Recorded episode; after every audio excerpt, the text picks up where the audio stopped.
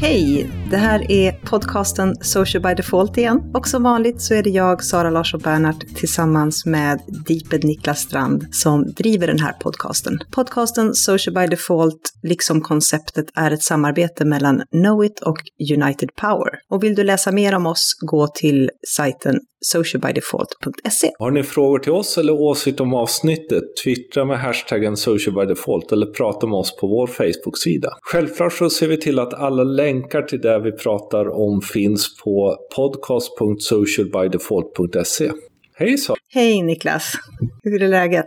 Och det är bra. Var är vi idag? Jag sitter på kontoret faktiskt, i vårt videokonferensrum, för att ha det så tyst som möjligt. Och jag sitter i vårt konferensrum här på United Power och eh, här ekar det. Jag saknar min soundbox hemma. För en gångs skull kanske är det jag som har det bästa ljudet då. Hur har eh, vår vecka varit? Den har varit intensiv. Intensiv, verkligen. I tisdags var vi iväg och gjorde ett stort Mm. jobb. Eh, och sen har vi idag Idag har vi faktiskt levererat två stycken stora skrivjobb. Vi har ju skrivit en stor strategi för ett eh, företag och sen så, som vi fick levererat idag, vilket var fantastiskt roligt. Och sen har vi ju gjort en digital audit, alltså tittat på ett företags alla digitala kontaktytor och tittat på hur de mm, ska gå från att vara ganska traditionellt analoga till att kunna använda det digitala för att generera fler leads helt enkelt. och gjort en så kallad gameplan om man ska vara lite buzzwordy. Det där är ju en fin skillnad. Vi hade ju flera diskussioner. Vad, vad är en strategi och vad är en gameplan Mm. under tiden vi har gjort det här? Därför det är alltid lätt att, Att man hamnar i lösningarna. En gameplan är ju mycket längre, den är ju mycket mer riktningsgivare med en strategi, Mm, ett ramverk. Jag tycker det är en ganska bra avgränsning. Men det känns bra. Men man känner att man är lite trött i huvudet. Ja, och inser att det här är ju bara början på vår fantastiska men väldigt intensiva vår. Dagens tema. Bloggen är ju faktiskt en av de få plattformar, bortsett då från din webbplats, som du har full kontroll över. Verkligen. Eh, Och det hänger ju också ihop att vi väljer att prata om blogg idag. Att faktiskt i tisdag startade blogg 100 för Mm. femte året i rad. Titta gärna på olika blogg 100. Jag har varit med under det några år. Förra året så körde vi Snapchat 100. Ja, det gjorde vi. I år kör vi jobb 100 istället, tror jag. Men vi tänkte helt enkelt idag är det väl bra att prata om bloggar. Vi har ju Mm. lite olika ingångar på bloggen som format. Hur är din? Ja, alltså, jag har ju, jag är ju den här, jag vill ju så väldigt gärna vara en bloggare. Mm. Jag har ju försökt ett par gånger och jag har en, en ganska död i dagsläget um, Wordpress-blogg. Jag är ingen bloggare, hur gärna jag än skulle vilja. Det tar alldeles för mycket tid och alldeles för mycket energi av mig för att kunna blogga. Men jag har följt väldigt många bloggar och jag har läst väldigt många bloggar och tycker om bloggen som plattform. Det blir liksom den här drömmen som aldrig blev sann. Till skillnad från, från dig då som har liksom levt det livet. När vi satt och förberedde det här så insåg jag liksom hur mycket av mitt nätliv bloggen ändå handlar om. Det, för jag började ju blogga 99. Mm. Innan dess hade jag ju reloadat i några år. Och sen har det ju bara rullat på. Den bloggen är ju som tur var försvunnen sedan länge.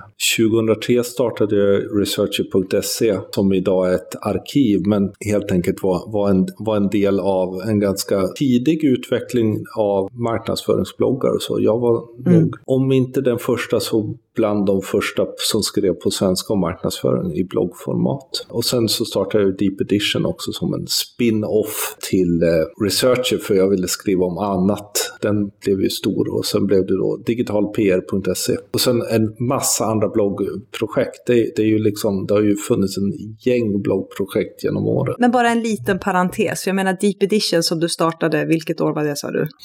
2005 tror jag Deep Edition startade. Som ändå ligger till grund för ditt namn idag. Ja, så är det ju. Den blev ju liksom sen egentligen det som jag levde på, blev ju ganska stor under några år. Där, det för 2005 startade ju verkligen bloggutvecklingen i Sverige på riktigt. Och hade du inte haft Deep Edition så hade du inte hetat Deeped. Nej, och hade jag inte börjat blogga hade jag ju inte suttit här idag. Nej. Bloggen har ju fluktuerat i, eller bloggosfären kanske man ska säga, har ju fluktuerat i storlek. Det går, allting går ju i cykler och från att ha varit otroligt populär så, så ser vi ju idag tyvärr att de, det personliga bloggandet har ju minskat. Vi hade ju en podcast och ett blogginlägg som vi släppte i november där vi plockade upp siffror från svenskarna och internet. Och där hade vi ju en del siffror för bloggar och ungefär vanliga bloggar läses idag av runt 40 procent av internetanvändarna. Så vi är ganska vana vid att läsa bloggar och så har det mm. sett ut under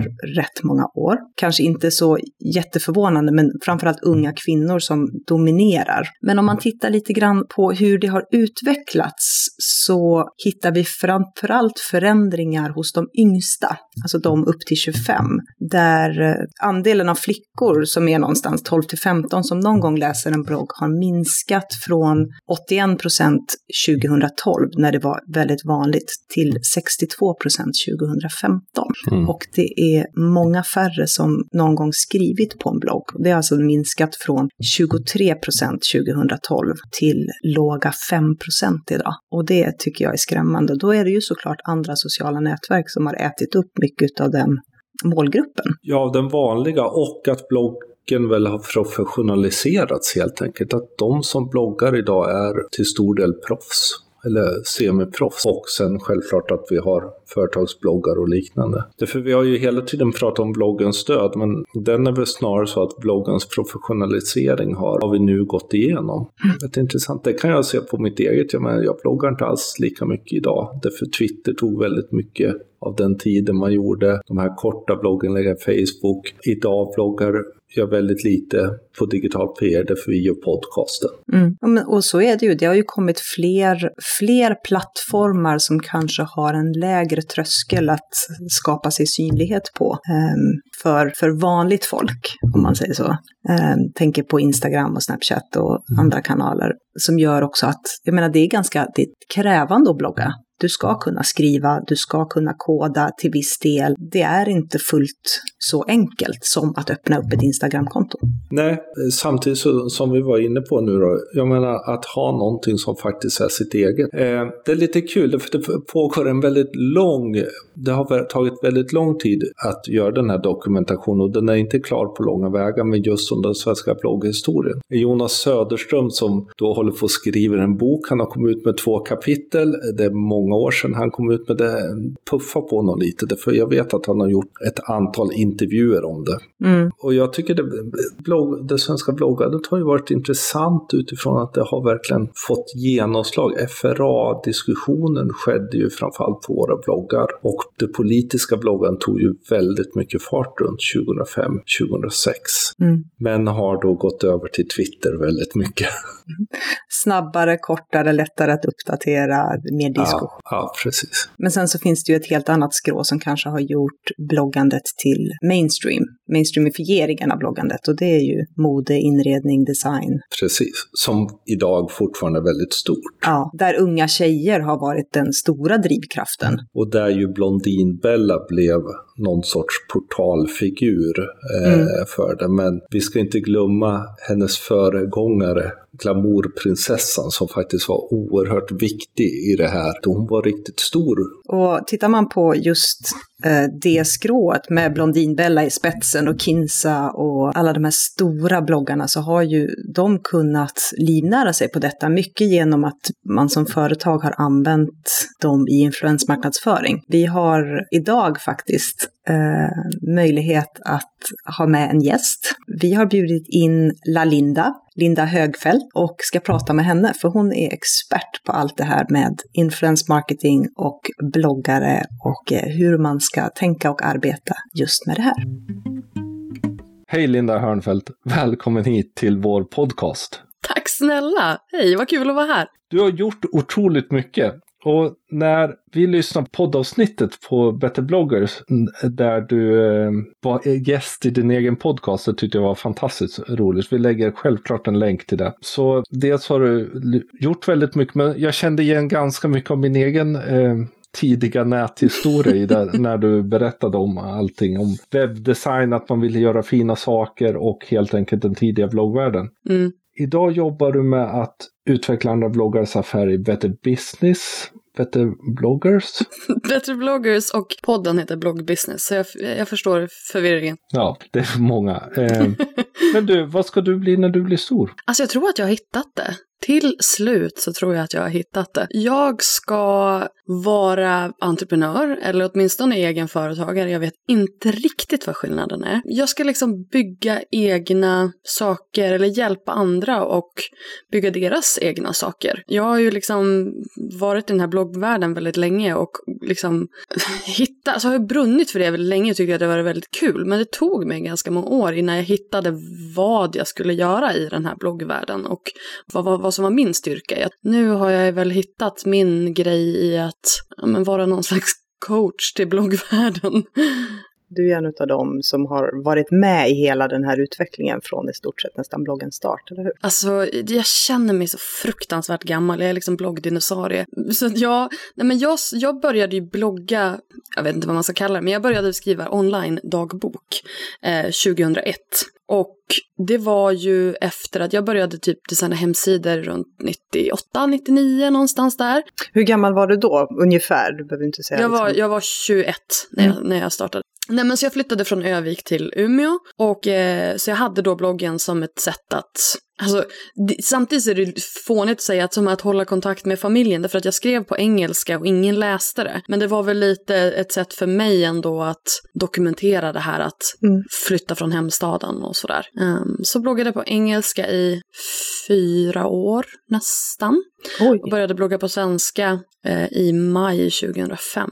Mm. Då det liksom, och då började jag även blogga med, med Wordpress. Har du alltid, vad, har du alltid haft liksom samma inriktning på din blogg eller har du gått i olika inriktningar och gått inom olika liksom, intressesegment? Eller hur har utvecklingen hos dig varit? Inriktningar, jag, alltså, nej alltså så här, jag har ju ofta försökt nischa mig. Därför att man har ju fått höra det hela tiden att du ska ha en nisch, du ska ha liksom en träningsblogg eller en modeblogg eller en matblogg eller vad det är för någonting och det är liksom nyckeln till framgång. Mm. Vilket det till viss del är, jag håller med om det. Men för mig så har det ju liksom alltid varit en dagbok och ett sätt att dokumentera. Så jag har alltid fotat skitmycket, så det här var liksom ett sätt att fortsätta dokumentera och arkivera mitt liv. Så att eh, jag har försökt och misslyckats. Men samtidigt så kan jag tycka att just det här personliga är ju det som gör en blogg. Så att visst, varför blogga? Alltså för dig, vad, vad är ditt driv? Jag menar, om man har bloggat som du har gjort, verkligen liksom hela tiden. Jag, jag, menar, jag har ju bloggat lite till och från om man säger så. Även om jag håller på hela tiden så har det ju varit så här, ibland så är det en gång per vecka, men du är ju liksom, du har ju hållit på. Va, vad är det som driver den? Alltså jag tror att i och med att jag har bloggat sedan jag var 21 så det är ju en, en naturlig del av livet för mig. Om jag inte skulle göra det så skulle det vara som att jag har liksom glömt att ringa mamma eller alltså du vet, det är så himla, den här dokumentationen, det är främst det. Jag gör det ju allra främst för mig själv. Men sen är det också jättekul såklart att få kommentarer och, och, och vänner som jag har fått genom bloggen. Samtidigt är det också då intressant där du pratade om nischning och så, att eh, jag menar, många av oss har ju börjat där. Mm. För att logga livet, som då webbloggen är. Jag började ju 2003 att skriva liksom en faktiskt nischad blogg om marknadsföring. Men det var ju också en, någonstans att försöka kom, för mig själv att komma ihåg. Sen började folk läsa det och då var det ju jobbigt. Vi har glömt lite det ibland när man idag ser hur bloggandet utvecklas. Definitivt. Jag kan, och det är ofta det, jag säger ju alltid det när jag coachar eller när jag pratar med folk som är så här, ja ah, men jag, jag vill börja blogga eller rättare sagt de är så här, ja men jag skulle vilja tjäna pengar på att blogga och då, då är jag så här, okej okay, men då får du gå och göra någonting annat för det är så mycket lättare att göra någonting annat för det är skitsvårt att tjäna pengar på en blogg. Mm. Eller skitsvårt, men det krävs sjukt mycket jobb. Mm. Så att det du behöver ha när du ska börja blogga, det är ju en passion för någonting. Mm. Eh, en passion för att antingen dokumentera, för ditt ämne, gärna för båda och. Men du måste ju ha ett driv som gör att du orkar uppehålla det här. Du måste tycka om att dokumentera och du måste tycka om det du ska dokumentera. Och sen så tycker jag liksom att man inte ska fastna i, även om man har en nisch. Det här är lite intressant, för jag coachade en tjej för några veckor sedan som har en vandringsblogg. Hon är otroligt liksom, den är jättesnygg, det är jättebra content, det är ju en vandring, ett vandringsmagasin. Det är mm. sjukt bra information. Hon satt där och bara, ja men alltså det känns som att jag har liksom, jag har fastnat och den mm. växer mm. inte och, och sådär och jag får inte återkomma med besökare. Och då sa jag det, jo men det är ju för att en blogg ska ju vara personlig på någon nivå. Det är ju dina egna reflektioner, det är ju du som ska vara den här bloggen. Om det bara handlar om teknik kring vandring, då är det ju ett magasin. Mm. Skillnaden mm. mellan ett magasin och en blogg är ju personen. Jag tror att där satt det, det tog liksom lite skruv i henne i alla fall, just det här att men, dela med dig av dig själv. Du kan skriva ett inlägg, liksom rent tekniskt, om de här, hur de här skorna var när du gick den här vandringen. Och ett annat inlägg om hur det kändes. Varför, varför gjorde du den där vandringen? Det var inte bara för att testa skorna, utan det är ju för att du faktiskt älskar att, att vandra och vara ute i naturen. Ja, jag precis. tror att det är det som mm. är liksom skillnaden, att man ska ju,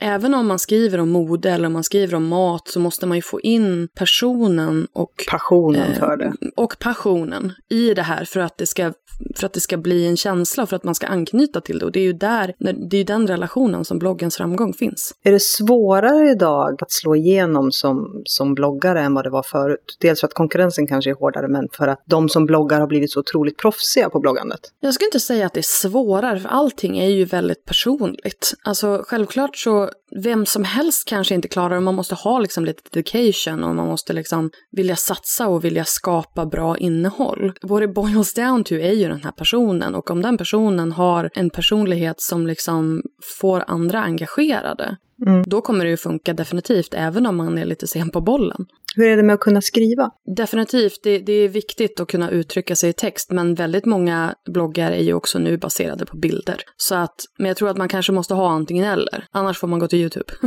ja, men är man, är man liksom bra framför kameran och man är rolig och sådär, ja men då kanske man ska testa YouTube. Tycker man om att uttrycka sig i skrift eller bild, då är, då är blogget bättre, en bättre kanal. Så att jag tror att där ska man ju se till sig själv och vad man själv är bra på när man väljer kanal helt enkelt. Mm. Behöver man välja kanal då?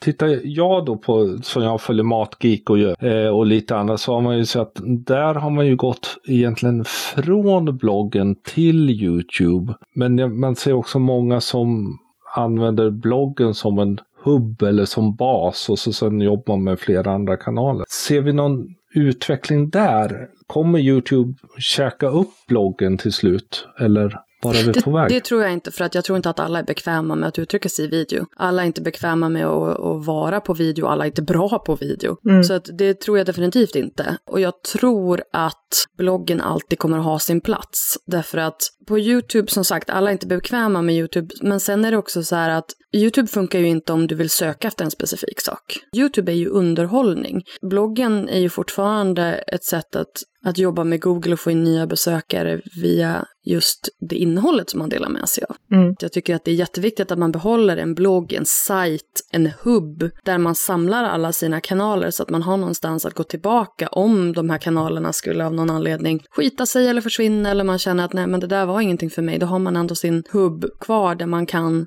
sen skjuta ut en annan gren åt, en annan, åt ett annat mm. håll. Din blogg, din sajt är den enda kanalen som du äger. Alla de andra är det ju någon annan som ska tjäna pengar på ditt innehåll mm. och därför kan du ju aldrig räkna med att, att dina behov är det som kommer att premieras. Eller så kan de försvinna. Exakt. Du jobbar ju en hel del med bloggare. Mm. Är det liksom brett över både personbloggare eller företagsbloggare? Eller vad, hur ser liksom dina samarbeten ut? Jag, jag jobbar ju främst med vad jag kallar för profilbloggare. Mm. Som är då en, en person i grunden som sedan då det här företaget eller, eller varumärket har, har byggts utifrån. Och sen är det ju oftast ja, men personliga bloggar i, i grunden. Inte företagsbloggar eller eller så pass nischade bloggar som kanske teknikbloggar, utan det är alltid en person som är varumärket i grunden. Märker du att andra kanaler, just när det gäller de här personbloggarna eller profilbloggarna, att andra kanaler som Snapchat och Instagram och kanske även YouTube då för vlogging börjar liksom äta på många av de här riktigt duktiga som har funnits ett tag. Absolut. Anledningen till att bloggläsandet har gått ner i Sverige de senaste åren är ju för att folk har förflyttat sig till andra kanaler. Det är ju inte så att folk bara har dumpat internet, utan de har ju bara flyttat sig till, till andra platser. Och jag ser inte det som någonting negativt, därför att ja, men man konsumerar olika kanaler för att man är olika sorters personer och man har olika sorters attention span eller vill, vill eh, konsumera under underhållning på olika sätt. Och därför så tror jag också att det är så mycket viktigare att vi börjar prata om profiler och inte plattformar. Jag tror ju absolut att man följer en profil från en kanal till en annan därför att du har ju liksom bondat med den profilen, med den personen och inte nödvändigtvis är kanalen lojal utan personen snarare. När du träffar då sådana profiler och som då jobbar med flera kanaler och just utifrån det här att man följer på flera. Vad, hur, hur säger du till dem att de ska tänka? det? För det här är ju sånt som vi möter när vi jobbar med företag. Alltså jag tror att det handlar ju väldigt mycket om vad man har för syfte. Eh, om man har som syfte att driva sin profil som en business, ja men vad har man för målgrupp, vart funkar man någonstans? Men också återigen det här med passionen, vad är man bra på att skapa för, för content? Mm. Är du inte bra på att skapa video, är du inte bra på, på framför kameran så ska du inte vara på YouTube. Då kanske du kan testa med Snapchat lite grann. Så det finns ju en anledning till att vissa personer bara inte finns på, på Snapchat, vissa personer inte finns på Twitter för de är inte roliga på 140 tecken eller vad det nu kan vara för någonting. Så att jag tror att där handlar det ju om att hitta det man är bra på och det, det man tycker är roligt. För att... Men om man jobbar med flera olika kanaler, mm. om man tänker så då, att man har flera, ja men de flesta har ju liksom en blogg, man har Instagram, man har liksom. Hur brukar du föreslå att de ska tänka där? Ska de liksom göra samma innehåll överallt eller hur? Det jag har sett och det jag också tycker är en bra grej, det är just det här att Instagram har ju blivit mycket mer liksom fint sedan Snapchat kom. Mm. Det är ju inte så många som lägger upp de här roliga 15 sekunders klipperna längre, utan de hamnar ju på Snapchat istället. Mm. Och sen så kan man ju lägga, alltså jag tror att Instagram, alltså sen, sen Snapchat kom så har Instagram blivit mindre personligt, tycker jag. Mm. Det har blivit mer... Lite liksom, mer perfekt, tycker jag. jag. Jag känner att det är kanske Instagram som kommer ta mest stryk av det här. Jag tror inte att det är bloggen. För man kommer alltid att vilja ha en plats att uttrycka sig lite längre, använda fler bilder, skapa liksom ett sammanhang, en story. På Instagram så har du ju liksom en one shot opportunity. Och den är mm. ganska flyende nu, för man scrollar och man scrollar och, och man liksom kanske likar här och där, men jag tror inte att man bygger relation på Instagram på samma sätt som man gör via en blogg eller via video. Intressant. Mm. Mm. Väldigt många utav de som börjar blogga, eller framförallt kanske har bloggat ett tag och eh, är duktiga, börjar ju få erbjudanden om kanske att marknadsföra produkter, att eh, prata om eller skriva om någonting som ett företag står bakom, just det här liksom med smygreklam. Och jag vet att du har varit väldigt tydlig med mm. att eh, det här är någonting som vi behöver sudda bort ifrån hela bloggosfären. Berätta lite om det, för det här tycker jag är jätteintressant. Alltså ända sedan liksom bloggarna började bli stora så började ju företag fatta att ja, men här ska vi synas. Och det dröjde inte länge förrän paket och liksom bloggare fick ju hem tonvis med prylar som då företag hoppades på att de skulle ha på sig och, och och nyttja och visa i bloggen. Vilket man gjorde. Till en början så var det ju så här, ja, alltså företagen bara halleluja. och det funkar ju inte riktigt längre för det blev liksom lite excessivt och eh, det blev liksom en motreaktion att just den här konsumtionshetsen, den är inte så het i bloggvärlden längre utan nu handlar det snarare om att välja sina samarbeten och det man, det man promotar i bloggen. Och självklart så funkar det fortfarande att göra pressutskick och hoppas på det bästa, men jag ser ju nu att det här med att göra redaktionella samarbeten är ju mycket, mycket större. Alltså då att profilen får betalt i pengar för att göra reklam för en mm. produkt. Och det som är problemet här då, då ett tag så var det liksom som att det sågs som lite fult att göra reklam. Mm. Jag vet att det var väldigt många som, var, som satte så badges på sina bloggar, så det här är en reklamfri blogg. Det som stör mig nu, det är liksom hela den här gratiskulturen bland läsarna. Alltså de blir mm. liksom irriterade, de tycker att ja, men det är så himla mycket sponsrat i den här bloggen, men de är inte själva beredda att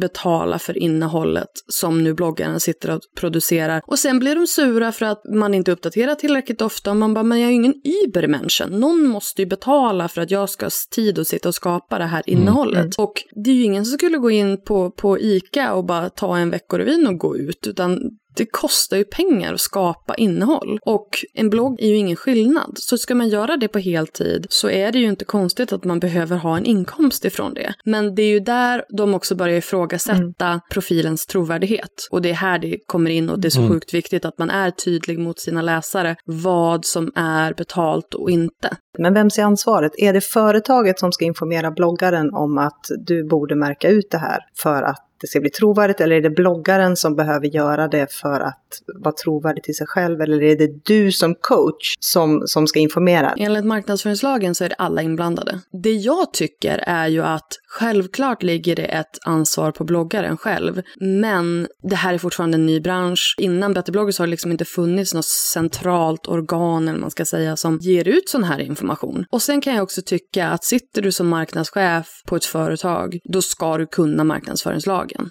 Mm. Och då, då ska det inte vara några konstigheter att bara för att du marknadsför i en ny kanal så ska helt plötsligt lagen inte gälla. Det är klart att den gör det. Och den har ju alltid funnits. Så att när folk är så här, bara, men det var lite oklart vad det, vad, det, vad det är för någonting som gäller. Nej, det har inte alls varit. Alltså det finns ett ansvar, jag höll på att säga från oss vuxna, men, men lite så. Mm. Framförallt också när man då kommer in på PR-byråer, att, att ändå ta ansvaret och hjälpa bloggarna, utbilda dem till att bli goda publicister. Eller hur? Och en god publicist annonsmärker och berättar om samarbeten på ett bra sätt eftersom det skapar trovärdighet.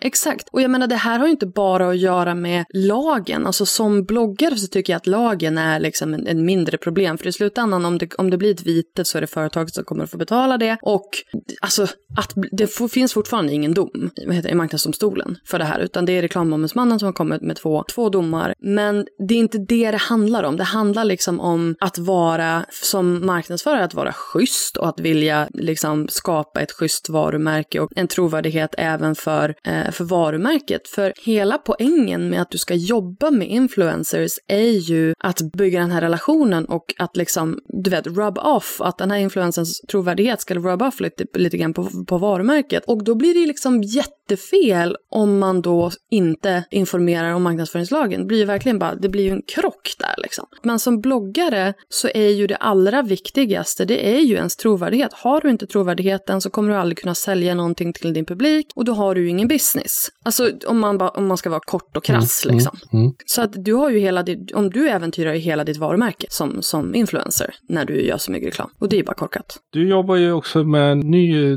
idé. Mm. Som faktiskt hänger bara, ihop med det här. Vilken av dem menar du? den den eh, 74.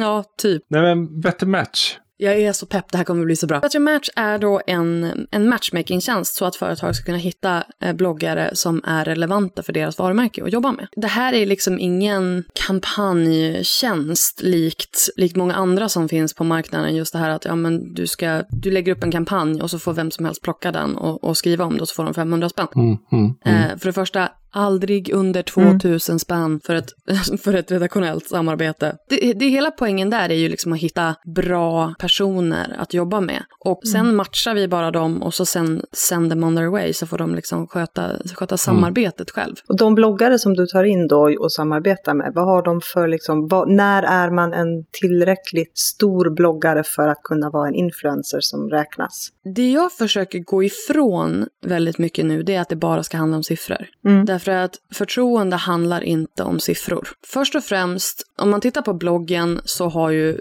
publiken delvis förflyttats till andra kanaler. Men jag skrev ett inlägg om det här ganska nyligen som hette eh, Det verkliga värdet med influencer marketing. Och där tog jag upp fem punkter och trafik eh, och followers kommer sist på den listan. Anledningen till att man ska jobba med influencers det är för att man vill associeras med deras varumärke, man vill skapa content, man vill skapa SEO och man vill liksom ha den här ha det här förtroendet som de har. Jag tycker det är intressant att, att så få företag som faktiskt börjar med samarbeten inte använder på sina egna plattformar. Eller väldigt sällan utnyttjar det som ändå skapas till andra plattformar. Eller hur? Det här är också liksom nästa grej som jag tror att kommer hända liksom efter influencer marketing. För att först var det content marketing, sen var det influencer marketing. Sen tror jag att man kommer inse värdet av att använda influencers som content creators. Därför att mm. det är ju det de är så bra på. Vi som bloggare har ju suttit och gjort, skapat grymt content varenda dag i tio år. Mm. Det är ju det vi, vi gör bäst. Varför då liksom skapa en hel redaktion eller hyra in journalister eller vad det nu kan vara för någonting när du kan få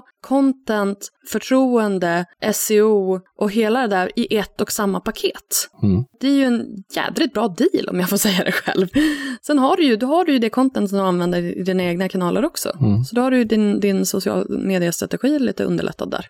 Framtidens blogg, eller bloggandet, hur kommer det att se ut om, om man tittar nu framöver? Vart är vi på väg? Jag tror ju först och främst på det här just att man jobbar med varumärkesprofiler istället för plattformar. Du jobbar med personen och den personens målgrupp och den personens eh, expertis och trovärdighet snarare än att du jobbar med Instagram eller Facebook eller YouTube. Mm, mm. Mm. Sen så skapar du självklart en strategi baserat på vad din målgrupp finns och vad du vill skapa för content. Men jag tror att det kommer att, det kommer att vara en mer, en, en plattare att sträcka sig över fler kanaler på det sättet. Och sen så som jag sa precis innan att eh, jag tror att man kommer inse värdet av att använda influencers som content creators. Jag tror bloggen kommer att leva kvar för att man kommer alltid att ha ett behov av att berätta historier mm. i, en, i en större kontext än en bild eller ett litet klipp på Snapchat. Så jag tror att den kan känna sig ganska ohotad men jag tror att det kanske kommer att bli färre men skarpare kreatörer.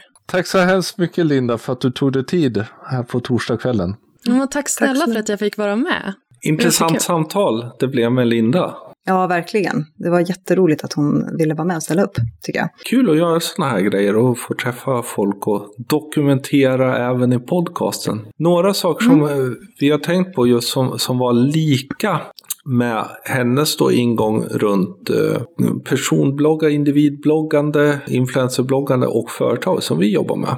Hittade vi ju mm. och lyssnade och en är ju dokumentationen runt så, som vi pratade om. Ja, precis. Jag menar, bloggen är ju ett bra sätt för företag att just visa på dokumentation och fördjupning runt de produkter eller de tjänster som man säljer det blir ju liksom ett sätt att eh, kunna lyfta expertkunskapen och sina experter. Mm. Framförallt om man då låter vissa experter på företaget driva mm. bloggen. Väldigt viktigt med gruppbloggar i det här fallet för att helt enkelt mm. kodifiera sin kunskap och fördjupningar runt produkter och tjänster. Samtidigt också som att har du en person som bara driver en blogg på företaget så blir du väldigt sårbar om den personen slutar. Verkligen. Eh, så där gäller det också att man har ett antal redaktörer som som driver bloggen som gör att om det skulle vara så att någon lämnar företaget så ska inte bloggen stå och falla med det, utan att man ska kunna fortsätta kontinuerligt och addera innehåll som skapar då trovärdighet och kredibilitet. Och sen självklart då trafikgenerering. Mm. Och en annan grej som Linda var inne på var just att ganska många som idag har gått över till Instagram och andra ändå fortfarande behåller bloggen som en sorts hubb för sin närvaro. Och det är också en sak som vi ofta pratar med våra kunder. Självklart webben är en sak, men också att bloggen ändå, både som dokumentation men också som att visa upp, här finns vi för övrigt och mm. att kunna säga, ha det som landningssida när man behöver och arbeta tillsammans med de olika eh, kanalerna. Oerhört spännande. Ja, och det här är ju jätteviktigt. Och sen är det ju också viktigt att se hur, hur bloggen har förändrats om man tittar alltså rent ur sökmotorsperspektiv för företag. Jag menar om vi tidigare har lagt bloggen utanför våra webbplatser och försökt länka in, eh, liksom skapa trafik emellan, så idag så indexeras ju webbplatser högt av Google om man använder sig utav levande content, alltså att webbplatsen uppdateras ofta och då blir ju bloggen ett exceptionellt bra verktyg att göra det. Mm. Och då har man ju liksom en win-win situation. Dels så har du då den förpackningen och fördjupningen av expertkunskapen, men sen har du också då möjligheten att du hela tiden skapar nytt innehåll som, som gör att webbplatsen indexeras mm. högt och eh, dyker upp i sökfunktioner. Mm. Så om man ska sammanfatta så kan man väl säga att jag menar, ganska snart så fyller bloggen som uttryck faktiskt 20 år. Det är liksom ett år kvar. Så är det 20 år mm. sedan. Många, en del av oss har hållit på väldigt, väldigt länge. Eh, och det är väl helt enkelt så att bloggen är här för att stanna. Att ryktet om bloggens död är eh, som vanligt överdrivet. Mm. Och vi lär nog eh, återkomma till bloggen eh, fler gånger. Under Alldeles den här säkert. podcasten.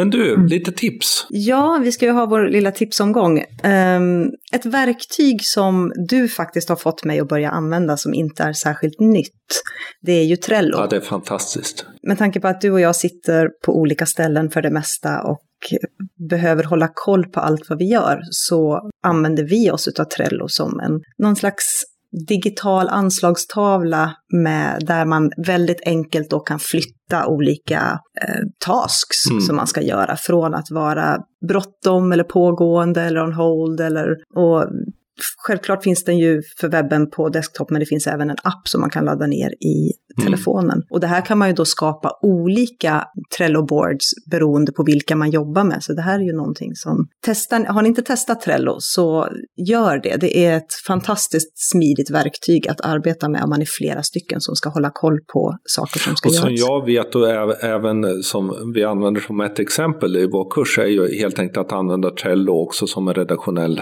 redaktionellt verktyg när man, mm. när man jobbar med sociala medier. Så ja, jag är nästan sjukligt kär i Trello. Mitt tips är eh, lite allvarligare. Engel Englund som en del som lyssnar kanske faktiskt känner igen. Eh, han har funnits med i sociala medier-svängen lite eh, under många år. Han eh, är med i blogg 100. Han förlorade sin hustru för inte så länge sedan här. Eh, och han då har sitt blogg 100 för att helt enkelt bearbeta sorgen och skriva bra saker. Och en sak som är helt fantastisk är att han nu startar en serie i då blogg 100 där han pratar om det digitala arvet, alltså hur de har tänkt, hur man behöver tänka när faktiskt någon dör runt de digitala mm. plattformarna. Mm. Läs den, det är, det är sorgligt, det gör ont i hjärtat av sorgen, men det är också väldigt fint sätt att bearbeta sorgen och faktiskt lära oss andra att tänka till när mm. att det faktiskt kan hända det vi inte tror ska hända. Jättebra tips. Det känns ju lite konstigt att uh, tipsa om nästa sak då. Nej då, den är trevlig. Vi har, som ni vet, kör vi ju kurs på Bergs, bygga varumärken i sociala medier. Och uh, nu kör vi i april vår sjuttonde utbildning och det finns några få platser kvar. Så om det är någon som är intresserad av att gå den kursen och det här vänder sig till de som har suttit och arbetat som eh, sociala medieredaktörer eller på marknadsavdelningar och har bra koll på kanaler och hur det fungerar men känner att jag vill vrida upp innehållet eller vi vill vrida upp vår närvaro. Och bättre jobba med varumärket väldigt mycket, att, att tänka in det strategiskt, oerhört viktigt. Och den kan ni hitta på bergs.se kurser. Mm. Och den heter då Bygga varumärke i sociala Precis, medier. Så vi lägger självklart ut en eh, länk på podcast.socialbydefault.se. Superintressant ämne tycker vi. Vi hoppas att ni tycker detsamma. Eh, alltid lika roligt att se att det är så många som lyssnar. Och show notes och länkar hittar ni på podcast.socialbydefault som vanligt. Precis, och glöm inte att prenumerera på vår podcast så ni inte missar ett en enda avsnitt framöver på iTunes. Ge den gärna betyg eh, eller recensera den. Och så tidigare sagt, tyck till, prata med oss via hashtaggen socialbydefault eller på Twitter och Instagram så hittar ni oss som atdeeped eller at sa na si. Och vi har också Klockrent. startat ett Instagram-konto för Social by Default. Så där kan man också hitta oss. Så eh, tack för den här gången och så hörs vi om lite drygt en vecka. Ja. Ha det gott! Hej då! Hej då!